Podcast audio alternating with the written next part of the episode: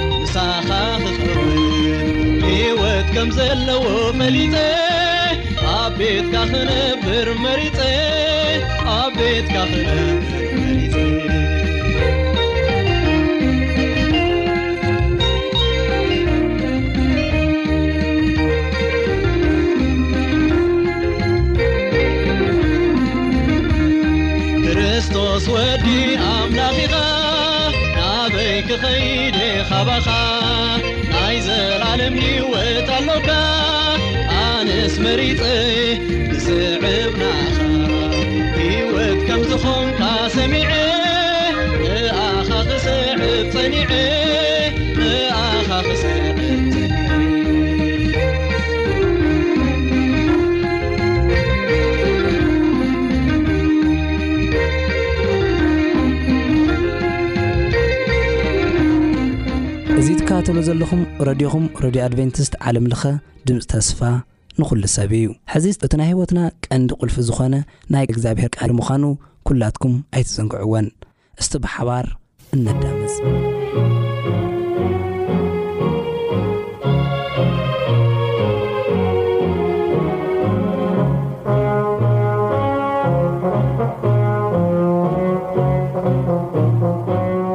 ሰላም ሰላም ኣብ በቦትኡ ኮንኩም መደባትና እናተኸታተልኩም ዘለኹም ክቡራት ሰማዕትና እዚ ብዓለም ለኸ ኣድቨንቲስት ሬድዮ ድምፂ ተስፋ ንኩሉ ሰብ እናተዳለወ ዝቀርበልኩም ቃለ እግዚኣብሄር እዩ ኣብ ናይ ሎሚ ናይ ቃል ግዜና ንሪኦ ኣብ ማርቆስ ምዕራፍ ክልተ እዩ ክሳብ ፍፃሚ መደብና ምሳና ክፀንሑ ዕድመና እዩ ቅድሚ ኩሉ ግን እግዚኣብሄር ምእንቲ ከምህረናን ክመርሓናን ሕፅር ዝበለ ፀሎት ክንፅሊ ኢና ንፀሊ እግዚኣብሄር ኣምላኽና ስለዚ ግዜን ሰዓትን ነመስክነካ ኣለና እንሆ፣ ቃልካ ከፊትና ኣብ ነጽንዓሉ እዋን፣ ንስኻ ክተምህረናን ክትመርሓናን ንልምነካ።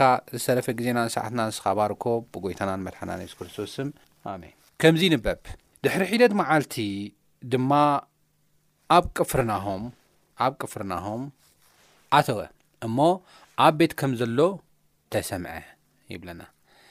ብኡብኡ ወገፈ ምእካል ክሳዕ ዝሰኣኖም ብዙሓት ተኣከቡ። ቃል ድማ ይነግሮም ነበረ። ኣርባዕተ ሰብኣይ ዝጸርዎ መጻጉዕ እናወምጹ። ህዝቢ ስለ ዝበዝሐ ናብኡ ምእታው ስለ ዝሰኣኑ ኸኣ ንሓሰታ ዘለዋ ቤት ኣፍረሱ።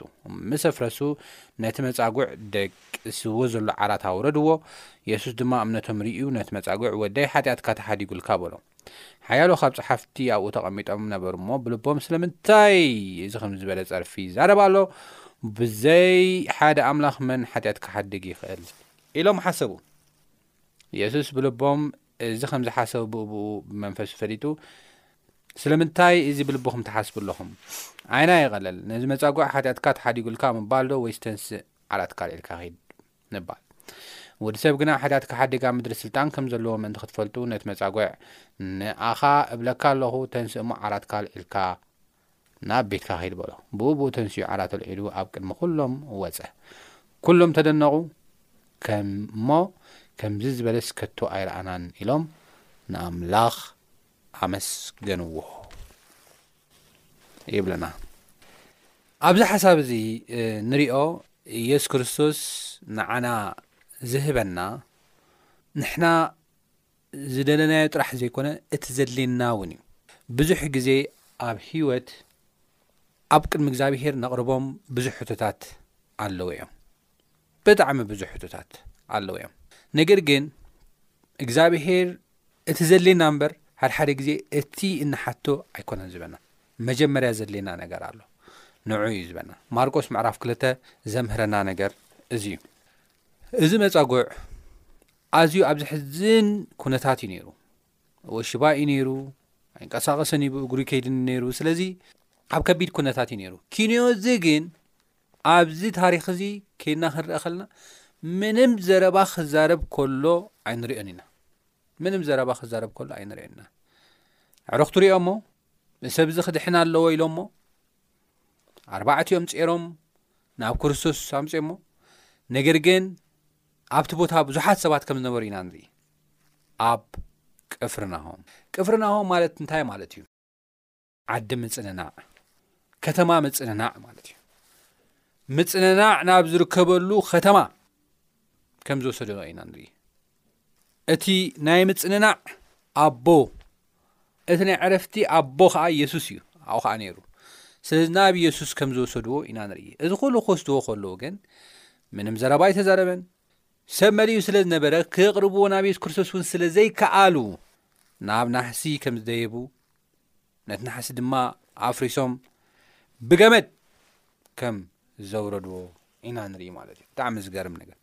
ሕጂ እውን እዚ ዅሉ ነገር ክግበር ከሎ እዚ መጻጓዕ ሓንቲ ነገር ኣይተዛረበን ኢየሱስ ክርስቶስ እምነቶም ርእዩ እዩ ዝብለና ዘሎ ን ክመስለኒ ሰብ እዚ ኣው ካብቲ ሕማሙ ብተወሳኺ ኣብ ዓብዪ ዝኾነ ጓሂ ኣብ ዓብዪ ዝኾነ ናይ በደል ስምዒት ኣብ ዓብዪ ዝኾነ ናይ ሓጢኣት ስምዒት ከም ዝነበረ እዩ ዘረዳእና እቲ መጽሓፍ ቅዱስ ርግጽ እዩ ከምቲ ኩሉ ግዜ ንብሎ ኣብ ኣይሁዳውያን መጻጉዕ ምዃን ሽባ ምዃን ጥዕና ዘይብልካ ምዃን ምስ ሓጢኣት ይስተሓሓዝ ነይሩ ኣቦኻ ወይ ኣዴኻ ወይ ንስኻ ሓጢኣት ስለ ዝሰራሕካ ኢኻ ከም ዝኾንካ ዝብል ዓብዪ ከምኡውን ጉጉይ ዝኾነ ኣመላኻኽታ ነይሩ እዩ እዚ ኣመላኻኽታ እዚ እውን ንብዙሓት ዝሓሙ ሰባት ኣብ ካብቲ ሕማም ብተወሳኺ ኣብ ናይ ገበን ስምዒት ኣነ ኳ ሓጢኣት ስለ ዝስራሕኹ እየ እንታይ ገበንቲ ስለ ዝስራሕኹ እየ ከምዚ ኮይነ ዘለኹ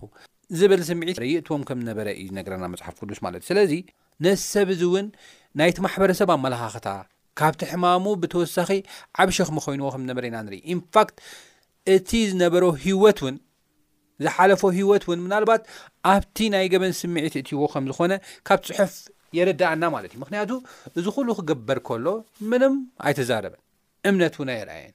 ኢየሱስ ክርስቶስ እውን ናቶም ናይቶም ንዕኡ ንምድሓን ላዕልን ታሕትን ዝብሉ ዘለዉ ሰባት እምነት ርእዩ እዩ እምበር ናቱ እምነት ርእዩ ኣይብለናን እዩ። ስቕ ኢሉ ዘሎ ፓሲፍ ኮይኑ እዩ ዘሎ ወይ እምነቱ ይርኣየ ወይ ኣይተዛረበ ወይ ኣይበደለ ስቕ ኢሉ እዩ ዘሎ ተሸኪሞም ከምጽኦ ክሉ ፍቓደኛ ኮይኑ ክመጽእ ከሎ ኢና ንርኢ ድሓር ናብቲ መጻጉዕ ከቕርብዎ ከለዉ እቲ መጻጉዕ ናብ ክርስቶስ ከቕርብዎ ከለዉ የሱስ ድማ ይብለና እምነቶም ርእዩ ነቲ መጻጉዕ ወደይ ሓጢኣትካ ተሓዲጉልካ በሎ ይብለና ኢየሱስ ክርስቶስ ልዕሊ ማንም ናይ ውሽጢ ዘንብብ ናይ ኣእምሮ ዘንብብ ሸኽሚ ደቂ ሰባት ዝርዳእ ብቓላት እኳ ከይተዛረብና ሕቶታትና ኩሉ ሕንቅል ሕንቅሊተይ ዝኾነና ኩሉ ነገር ዝፈልጥ ጎይታ ምዃኑ እዚ ጥቕሲ እዚ የርእየና ማለት እዩ ሰብዚ ምንም ከይተዛረበ እቶ ምዕርኽቱ እውን መፂኦም ኣብ የሱስ ክርስቶስ ጥራሕ እዮም ኣቐሚጦሞ ምንም ከይተዛረቡ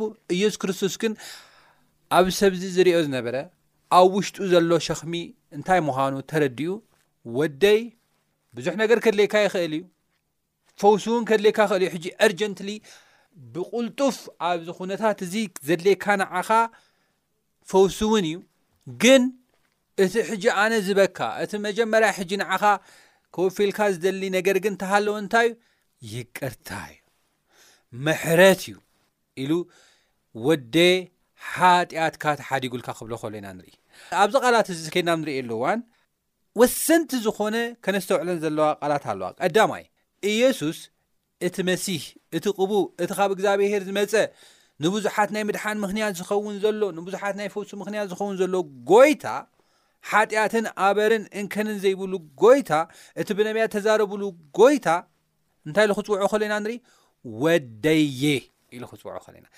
ወደየ ናይ ፍቕሪ ቃል ናይ ሓልዮት ቃል እግዝኣብሄር ከም ተቐበሎ ዘርኢ ቓል ተጠቂሙ ወደየ ክብሎ ከሎ ኢና ንርኢ። ክቡራት ሰማዕትና ኣብዚ ሓደ ነገር ክትሓስቡ ይደሊ። ብዙሕ ናይ ሓጢኣት ሸኽሚ ኣብ ልብኹም ተሸኪምኩም እግዚኣብሄር ሎሚ ንዓይ ኣይቅበለንን እዩ፣ እግዚኣብሄር ንዓይ ምሕረት ኣይገብረለይን እዩ፣ እግዚኣብሄር ካባይ ርሒቑ እዩ፣ እግዚኣብሄር ምሳይ ተዝነብርሲ ከምዚ ምኾነን ነይሩ፣ ከምዚ ምበጽሓናን ነይሩ፣ ከም ጊደውን ዝበሎ ኣብ ትብሉ እዋን ኢየሱስ ክርስቶስ ግን ቀሪቡ ወደየ ጓለየ ከም ዝብል ኢና ንርኢ። ንሕና ናብኡ ኣብ ንቐርበሉ እዋን ጎይታ ክልተ ኢዱ ዘርጊሑ ከም ዝሓቑፈና ከም ዝቕበለና እዩ ዝነግረና። ኣብዚ ሓደ ታሪኽ ክንዝክር ይደሊ፣ ንሱ ድማ ኣብ ሉቃስ ምዕራፍ ዓሰርተ ሓሙሽተ ዘሎ ሓሳብ እዩ። ንሓደ ሰብኣይ ክልተ ውሉድ ነበርዎ ይብለና ሉቃስ ምዕራፍ ዓሰርተ ሓሙሽተ። ደሓር ካብቶም ክልተ ውሉድ እቲ ንእሽተይ፣ ኣቦይ እቲ ዝግብኣኒ ርስቲ ሃበኒ ኢሉ ካብ ኣቦኡ ርስቲ ተቐቢሉ ካብ ገዝኡ ከም ዝወጸ ኢና ንርኢ። እዚ ርስቱ ሒዙ ኸኣ እቲ ገንዘቡ ከም ዝዘረዎ ምስ ብስኽራን ብዕብዳን ብኹሉ ነገር እቲ ገንዘቡ ከም ዝዘረዎ ኢና ንርኢ። ደሓር ዝበልዖ ምግቢ ስኢኑ ኣብ ሓደ ቦታ ከም ተቖጽረ ምግቢ ግን ከም ዝሰኣነ ዝብላዕ ምግቢ ከም ዝሰኣነ ኢና ንርኢ። ካብተን እንስሳታት ዝወድቅው ርፍራፍ ክበልዕ ድማ ሃረር ይብል ከም ዝነበረ ኢና ንርኢ። ደሓር ናብ ልቡ ከም ተመልሰ ይብለና። ናብ ልቡ ከም ተመልሰ መጽሓፍ ቅዱስ ይነግረና። ናብ ልቡ ምስ ተመልሰ እንታይ ኢሉ ኣነ ብዚ ብጥሜት ይንከራተት ኣለኹ ብጥሜት ጉዳእ ኣለኹ ብጥሜት መውት ኣለኹ ኣብ ቤት ኣቦይ ኮ ብዙሓት ብዙሓት ብዙሓት ባሮት ብዙሓት ሰባት እዮም ዝዕንገሉ ዝተርፍ ምግቢ እውን ኣሎ ኣነ ግን ኣብዚ ጉዳእ ኣለኹ ኢሉ ከም ተዛረበ ኢና ንርኢ እዚ ምስ በለ ናብ ኣቦይ ክምለስ ኢሉ ብንስሓ ነቦይ ተቐበለኒ ኣቦይ ኣባኻን ኣብ ሰማይን በዲለየ እሞ ይቕረበለኒ ክብሎ እየ ኢሉ ኣብ ዝምለሰሉ እዋን ኣቦኡ ብርሑቕ ርእዩ ይብለና መፅሓፍ ቅዱስ ኣብ ሉቃስ መራፍ ኣሰርታ ብርሑቕ ርእዩ እንታይ ገበረ ይብለና ጎዩ ሓኒቑ ሓቂፉ ተቐበሎ ብበደል ብሓጢኣት ስምዒት ይሳቐ ዝነበረ ወዱ፣ በቲ ዝገበሮ ተግባር ዝተሳቐየ ወዱ፣ ክቕበለኒ ድዩ ኣይክቕበለንን፣ ሓደ ከም ባሮትካ ግበረኒ፣ ኣነ ተሸጊረ ኣለኹ፣ ከም ወድኻስ ኣይትቀበለኒ እሺ፣ ግን ከም ሓደ ከም ባሮትካ ግበረኒ ክብሎ እናበለ እናተጠራጠረ ዝመጸ ውሉድ፣ ኣቡኡ ግን ካብ ርሑቕ ሪኢሑ ሓኒቑ ሓቖፎ። ኣቡኣ ዝደልያ ቃል ሓንቲ ነገር ኣላ። ንተሓጎስ፣ ደስ ይበለና ኢሉ እዚ ወደይ ጠፊኡ ነይሩ ሕጂ ተረኺቡ እዩሞ ይብል እዚ ወደይ ሞይቱ ነይሩ ሕጂ ብሂወት ተረኺቡ እዩሞ ንተሓጎስ ደስ ይብለና እዚ ወደይ ክብሎ ከሎ ኢና ንርኢ ንሓጢኣተኛ ብገዛእ ርእሱ ካብ መንገዲ እግዚኣብሄር ዝዓመፀ ብምንዝርን ብዕብዳንን ገንዘቡ ዘሮ ዘጥፈአ ነገር ግን ኣቦ ክቕበሎ ከሎ እዚ ወደይ ሞይቱ ነይሩ ጠፊኡ ነይሩ ተረኺቡ ድሒኒ እዩሞ ንታሓጎስ ደስ ይብለና ፍለና ኢና ስለዚ እግዚኣብሄር ናይ ምሕረት ኣምላኽ እዩ እግዚኣብሄር ቂመኛ ኣምላኽ ኣይኮነን ዝቕበል ኣምላኽ እዩ ክብርና ኣምላኽ ይኹን ስለዚ ተቐቢሉ ዓብ ታሓጓስ ከም ዝኾነ ኢና ንርኢ ነዚ መፃጉዕ እውን ከይናም ንርእሉ ዋን እቲ መጀመርያ ዘድልዮ ዝነበረ ፈውሲ እኳ እንተኾነ ነገር ግን ኢየሱስ ክርስቶስ ኣብዚ ሰብ እዚ ዝርኦ ዝነበረ ዓብ ነገር ኣፉ ዝሓተሞ ንኸይዛረብ ስምዒቱ ንኸይገልፅ ዝገበሮ ሓያል ናይ ሓጢኣት ሸኽሚ፣ ሓያል ናይ በደል ሸኽሚ ኣብኡ ከም ዝነበረ መጽሓፍ ቅዱስ ይዛረበና እዩ። እዚ ሓያል ናይ በደል ሸኽሚ፣ እዚ ሓያል ናይ ሓጢኣት ሸኽሚ ኢየሱስ ክርስቶስ ልዕሊ ማንም ተረዲኡን ኣስተውዒሉን ነዚ ሰብ እዚ ወደየ ኢሉ መጀመርያ ክቕበሎ ከሎ ኢና ንርኢ። ንስኻ ወደይ ኢኻ፣ ኣነ ፍቅረካየ፣ ኣነ እፈትወካየ፣ ብዘለዓለም ፍቕሪ ኣፍቂረካ፣ ብዘለዓለም ፍቕሪ ኣፍቂረካ። ብኮንዲሽናት ብነገራት ዝተመስረተ ኣይኮነን እቲ ዝኣነ ዘፍቀርኩኻ ብምባል ወደየ ክብሎ ከሎ ኢና ንርኢ ብዙሓት ኣብ ምድሪ እንሪኦ ፍቕሪ ኣብ ኮንዲሽን ወይ ድማ ኣብ ነገራት ዝተመስረተ እዩ ምናልባት ሰብ ተጊርካሉ ይገብረልካ ተፍቂርካዮ የፍቅረካ ተሓሊኻሉ ይሓልየልካ ከምዚ ዓይነት ነገራት እዩ ዘሎ ነገር ግን ናይ የሱስ ክርስቶስ ፍቕሪ ኣብ ከምዚ ዓይነት ኮንዲሽን ኣብ ከምዚ ዓይነት ነገራት ዝተመርኮሰ ኣይኮነን ውሉዱ ስለ ዝኾና ወደየ ኢሉ ከም ዝቐበለና ናብኡም ንምለሰሉ እዋን ህይወትና ንዑብ ንእበሉ እዋን ምንም እኳ ሓጢኣት ስለዝሰራሕና ምንም እኳ ክፋኣት ተሰራሕና ነገር ግን ከም ዝቅበለና ወደየ ክቡረይ ኢሉ ከም ዝቅበለና እግዚኣብሄር ይዛረበና ማለት እዩ እታ ካልኣይቲ ቃል ድማ ንርኣያ እንታይ እዩ ዝብል ዘሎ የሱስ ክርስቶስ ነዚ ሰብ እዚ ከም ደጋጊመ ዝብሎ ዘለኹ ናይ ሓጢኣት ሸክሚ እዩ ነይርዎ ልዕሊ ማንም ዝርዳእ ጎይታ ነዚ ሰብ እዚ ማንም ዝተረድኦ ሰብ ኣይነበረን ኢንክሉዲንግ እቶም ሒዞሞ ዝመፁ ሰባት እኳ ከይኖምና ኣብ ንሪእየሉ እዋን ኣብ ውሽጡ ዝነበረ ናይ በደል ስምዒት፣ ኣብ ውሽጡ ዝነበረ ናይ ገበን ስምዒት እኳ ክርድእዎ ኣይከኣሉን። ጥራሕ እቲ መጻጉዕ ምዃኑ፣ እቲ ሽባ ምዃኑ፣ ክፍወስ፣ ደው ኢሉ ከም ሰብ ክሰርሕ፣ ከም ሰብ ክኣቱን ክወጽእን ጥራሕ እዮም ኣምጺኦሞ። ዋላ እቶም ዘምጽእዎ ኣርባዕተ ሰባት እቶም ሰብ እምነት እንብሎም፣ እሱ ግን ተፈዊሱ እቲ ናይ ሓጢኣት ገበን እንተደኣ ደይተፈዊሱ ዋጋ የብሉን።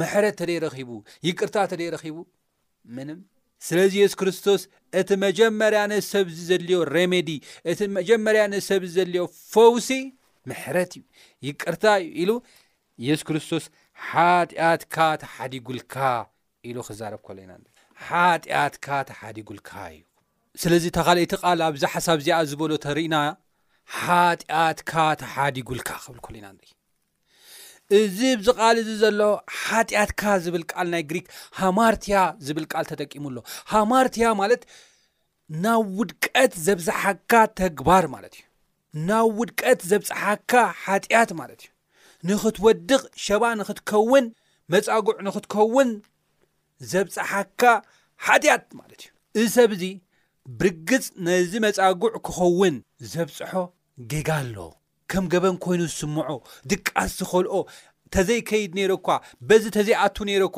እዚ ተደይገብር ነይረ'ኳ ዝብሎ ነገር ኣሎ። ሃማርቲያ ዝብል ቃል ኢና ንርኢ። ኢየሱስ ክርስቶስ እዚ ከም ዘሎ ተረዲኡ እዩ። ስለዚ እዚ ሃማርቲያ እዚ እዚ ሓጢኣት እዚ ናብ ውድቀት ኣብፂሕኒ እዩ፣ መፃግዑ ክኸውን ገይርኒ እዩ፣ ትሕቲ ሰብ ክኸውን ገይርኒ እዩ፣ ካብ ማሕበረሰብ ሓጢኣተኛ ተባሂለ ክፍረድ ክኹነን ገይርኒ እዩ ዝበሎ ጉዳይ ኢየሱስ ክርስቶስ ልዕሊ ማንም ስለ ዝተረድአ ወደየ ኢሉ መጀመርያ ብክርስቶስ ተቐባልነት ረኺቡ ድሓር ተሓዲጉልካ እዩ እዚ ንውድቀት ኣብፅሕኒ እዩ ዝበልካዮ ሓጢኣት እዚ ንውድቀት ኣብፅሕኒ እዩ ዝበልካዮ ገበን ንሱ ጎይታ ሓዲግልካ እዩ ይቕረ ኢልካ እዩ ምክንያቱ እዚ ነገር እዚ መፃጉዕ ጥራሕ ኣይኮነን ገይርኒ ንኣምላኽ እውን ንክሕዝን ገይርኒ እዩ ኣብ ሰማይ እውን ሓጢኣተኛ ክበሃል ገይርኒ እዩ ዝብሎ ጌጋ ኔርዎ ስለዚ ምሕረት ጌርልካ እዩ ስለዚ ናይ ሰማይ ኣይትሕሰብ እግዚኣብሔር ኣቦ ይቕረ ይብለንዶ ይቕረ ኣይብለይን ኢልካ ኣይትሕሰብ ኣምላኽ ይቕረ ይልልካ እዩ ምሕረት ረኺብካ ኢኻ ስለ ሰማይ ኣይትሕሰብ ዝብል መጀመርያ ሓሳብ ከም ዝሃቦ ኢና ንርኢ ካልኣይ ሓሳብ ድማ ከይና ንርኢ ልዋን ተሓዲጉልካ እዩ ምስ በሎ ሰብ እዚ ሓጢኣት ክሓድግ ከመይ ገይሩ ይኽእል ብዘይ ሓደ እግዚኣብሄር ሓጢኣት ክሓድግ ዝኽእል ኣሎ ድዩ ኢሎም ኣብ ዝዛረብሉ እዋን ኢየሱስ ክርስቶስ ኣየናይ ይቐልል እቶም ናይ ሰብ ስምዒት ዘይርድኡ ሰባት ንየሱስ ክርስቶስ ከምዚ ኢሎም ኣብ ዝኸስዎ ኣየናይ ይቐልል ዓራትካ ልዕልካ ኺዶ ሓጢኣትካ ተሓዲጉልካ ኢሉ ምስ ተዛረቦም ነገር ግን ወዲ ሰብ ሓጢኣት ንኽሓድግ ስልጣን ከም ዘለዎ ምእንቲ ክትፈልጡ ኢሉ እንደገና ነዚ ሰብ እዚ ዓራትካ ኣልዒልካ ኪድ ኢሉ ሙሉእ ዝኾነ ፈውሲ ሙሉእ ዝኾነ ምሕረት ክበኸሉ ኢና ንርኢ ምሕረት ረኺቡ ሓጢኣቱ ተሓዲግሉ ሓድሽ ሰብ ኮይኑ ካብዚ ተወሰኻ ዓራትካ ኣልዒልካ ኪድ ኢሉ እንደገና ደው ኢሉ ዓራቱ ኣልዒሉ ክኸይድ ክወፅእ ከም ዝገበሮ ኢና ንርኢ ናይ የሱስ ክርስቶስ ፈውሲ ሙሉእ እዩ ናይ የሱስ ክርስቶስ ምሕረት ሙሉእ እዩ ንሰብ ሓድሽ ዝገብር እንደገና ክትስእ ዝገብር እንደገና ንቅድሚት ክወፅእ ዝገብር ሓድሽ ሰብ ዝገብር ሙሉእ ፈውሲ እዩ ናይ የሱስ ክርስቶስ ፈውሲ እዚ ሰብ እዚ ናይ ገበዝ ስምዒት ሒዙ መጺኡ ኣብ ሰማይ እውን በዲለ ናይ ሓጢኣተኛ ተባሂለ ተመዝጊበ ካብዚ ብተወሳኺ ከዓ ጉድኣት እውን በፂሑ ነገር ግን ናይ ሰማይ በደሉ ስምዖ ዝነበረ ኩሉ ይቕረ ተባሂሉ እቲ በቲ ሓጢኣተይ በፂሕኒ እዩ ዝብሎ ዝነበረ ጉድኣት እውን ተፈዊሱ ምሕረት ረኺቡ ክኸይድ ከሎ ኢና ንርኢ ኣሕዋተይ ናብ የሱስ ክርስቶስ ንምፃእ ኢየሱስ ክርስቶስ ኣቱም እትጽዕሩን ጾር ዝኸበደኩምን ኩላትኩም ናባይ ንዑ ኣነውን ክዕርፈኩም እዩ ዝበለ ጎይታ ንሱ ክዕርፈና ይኽእል እሞ ናብኡ ንቕረብ ንሱ ናይ ምሕረት ኣምላኽ እዩ ንሱ ናይ ፈውሲ ኣምላኽ እዩ ንሱ ናይ ርህራሄ ኣምላኽ እዩ እሞ ናብኡ ንቕረብ ናብኡ ቀሪብና ምሕረት ምእንቲ ክንረክብ እግዚኣብሔር ፀጉ የብዛሓልና እሱ እቲ ናባይ ዝመፅእና ወፃኢ ድርብዮን እየ እዩ ዝብል ሓጢኣተኛ እየ፣ ጐይታ ይቕበለኒ ዶ ይኸውን ኢሉ ዝመጸ መጻጉዕ፣ ንሱ ግን ወደየ ኢሉ ከም ዝጸውዖ ኢና ንርኢ። ስለዚ ንሕና ናብኡ ብምቕራብ ምሕረት፣ ፈውሲ፣ ይቅርታ ክንረክብ እግዚኣብሔር ጸጉ የብዝሓልና። ኣብ ዝቕጽል ብኻልእ ክሳብ ንራኸብ ሰላም ኩኑ። ጐይታ ይባርኩም።